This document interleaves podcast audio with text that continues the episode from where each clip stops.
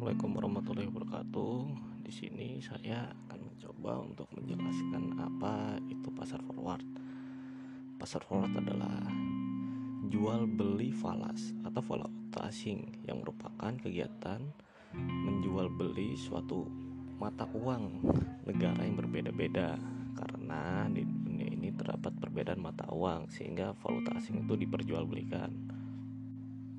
Adapun menurut Sartono, pasar forward adalah pasar berjangka adalah sesuatu pasar untuk transaksi penjual atau pembelian dengan penyerahan di kemudian hari.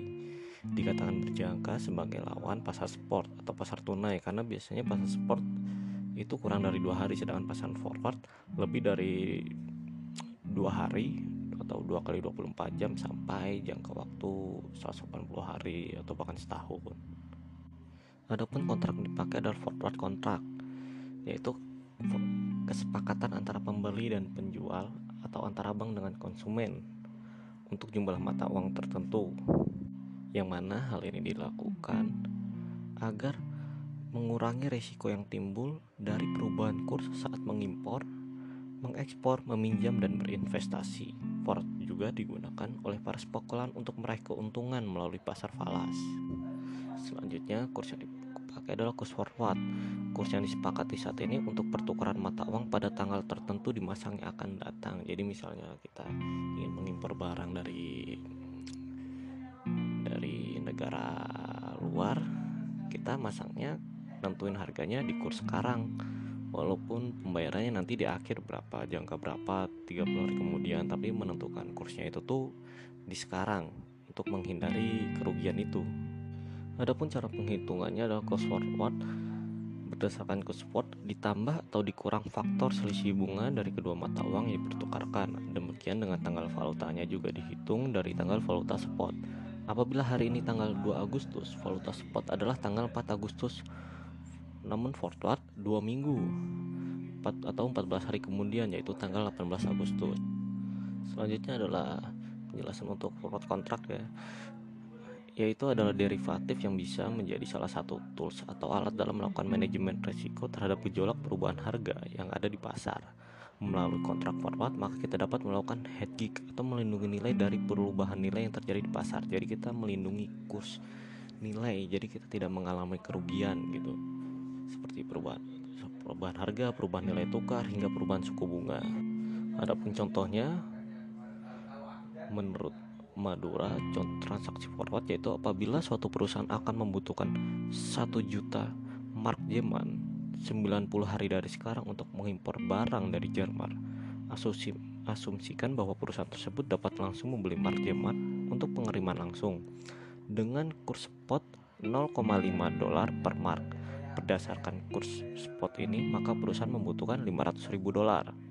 Namun perusahaan ini belum memiliki dana saat ini juga untuk membeli mark sehingga perusahaan ini melakukan forward kontrak yaitu di mana menunggu 90 hari dan kemudian menukarkan US dollar dengan mark menurut kurs yang berlaku saat itu. Tapi perusahaan tidak mengetahui berapa kurs 90 hari dari sekarang. Jika naik menjadi 0,6 per mark, perusahaan akan membutuhkan 600 ribu mark. Maka itu sangat merugikan. Maka dengan ini, maka perusahaan akan merugi sebesar 100 ribu perbedaan di awal 500 ribu kan. Akan lebih baik untuk mengunci kurs untuk 90 hari dari sekarang. Jadi di mana kurs short yang dilakukan adalah menentukan harga antara penjual dan pembeli. Misalnya menentukan harganya di 0,51 dolar per mark. Tapi dibayarnya di akhir. Jadi 0,51 dolar per mark dikali 1 juta mark sama dengan 510 ribu dolar. Jadi maka maka 510 ribu dolar itu akan dibayarkan di 90 hari kemudian Adapun jenis-jenis kontrak forward yang berada di pasar adalah yang pertama currency forward kontrak. Biasanya digunakan oleh perusahaan untuk mengolah risiko valuta asing. Biasanya perusahaan multinasional yang menggunakannya karena mereka beroperasi pada lebih dari satu negara sehingga terekspos terhadap risiko valuta. Yang kedua ada equity forward kontrak yaitu pihak wajib membeli atau menjual instrumen ekuitas ataupun indeks saham pada waktu tertentu di masa depan. Yang ketiga yaitu commodity forward kontrak dengan underlying aset berupa komoditas seperti minyak, metal, jagung, dan lainnya. Kontrak ini memungkinkan suatu pihak untuk membeli atau menjual komoditas dengan harga tertentu di masa depan. Yang keempat ada bond forward, hampir semua dengan equity forward hanya saja obligasi punya jatuh tempo sehingga kontrak forward pada kedua kedaluarsanya sebelum tanggal jatuh tempo. Yang kelima adalah interest rate forward atau IRA yang disebut juga non forward rate agreement di mana underlying berupa pembayaran bunga dalam mata uang tertentu.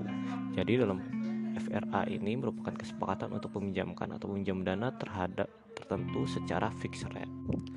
Selanjutnya adalah premi dan diskon kontrak forward. Premi forward terjadi saat kita membayar lebih banyak untuk penyampaian forward terhadap penyampaian spot bagi mata uang. Sebaiknya apabila kita membayar lebih sedikit untuk penyampaian forward daripada penyampaian spot disebut diskon forward. Dalam kasus di mana kurs forward sama dengan kurs spot kita menyatakan bahwa mata uang forward berada pada posisi flat atau rata atau seimbang.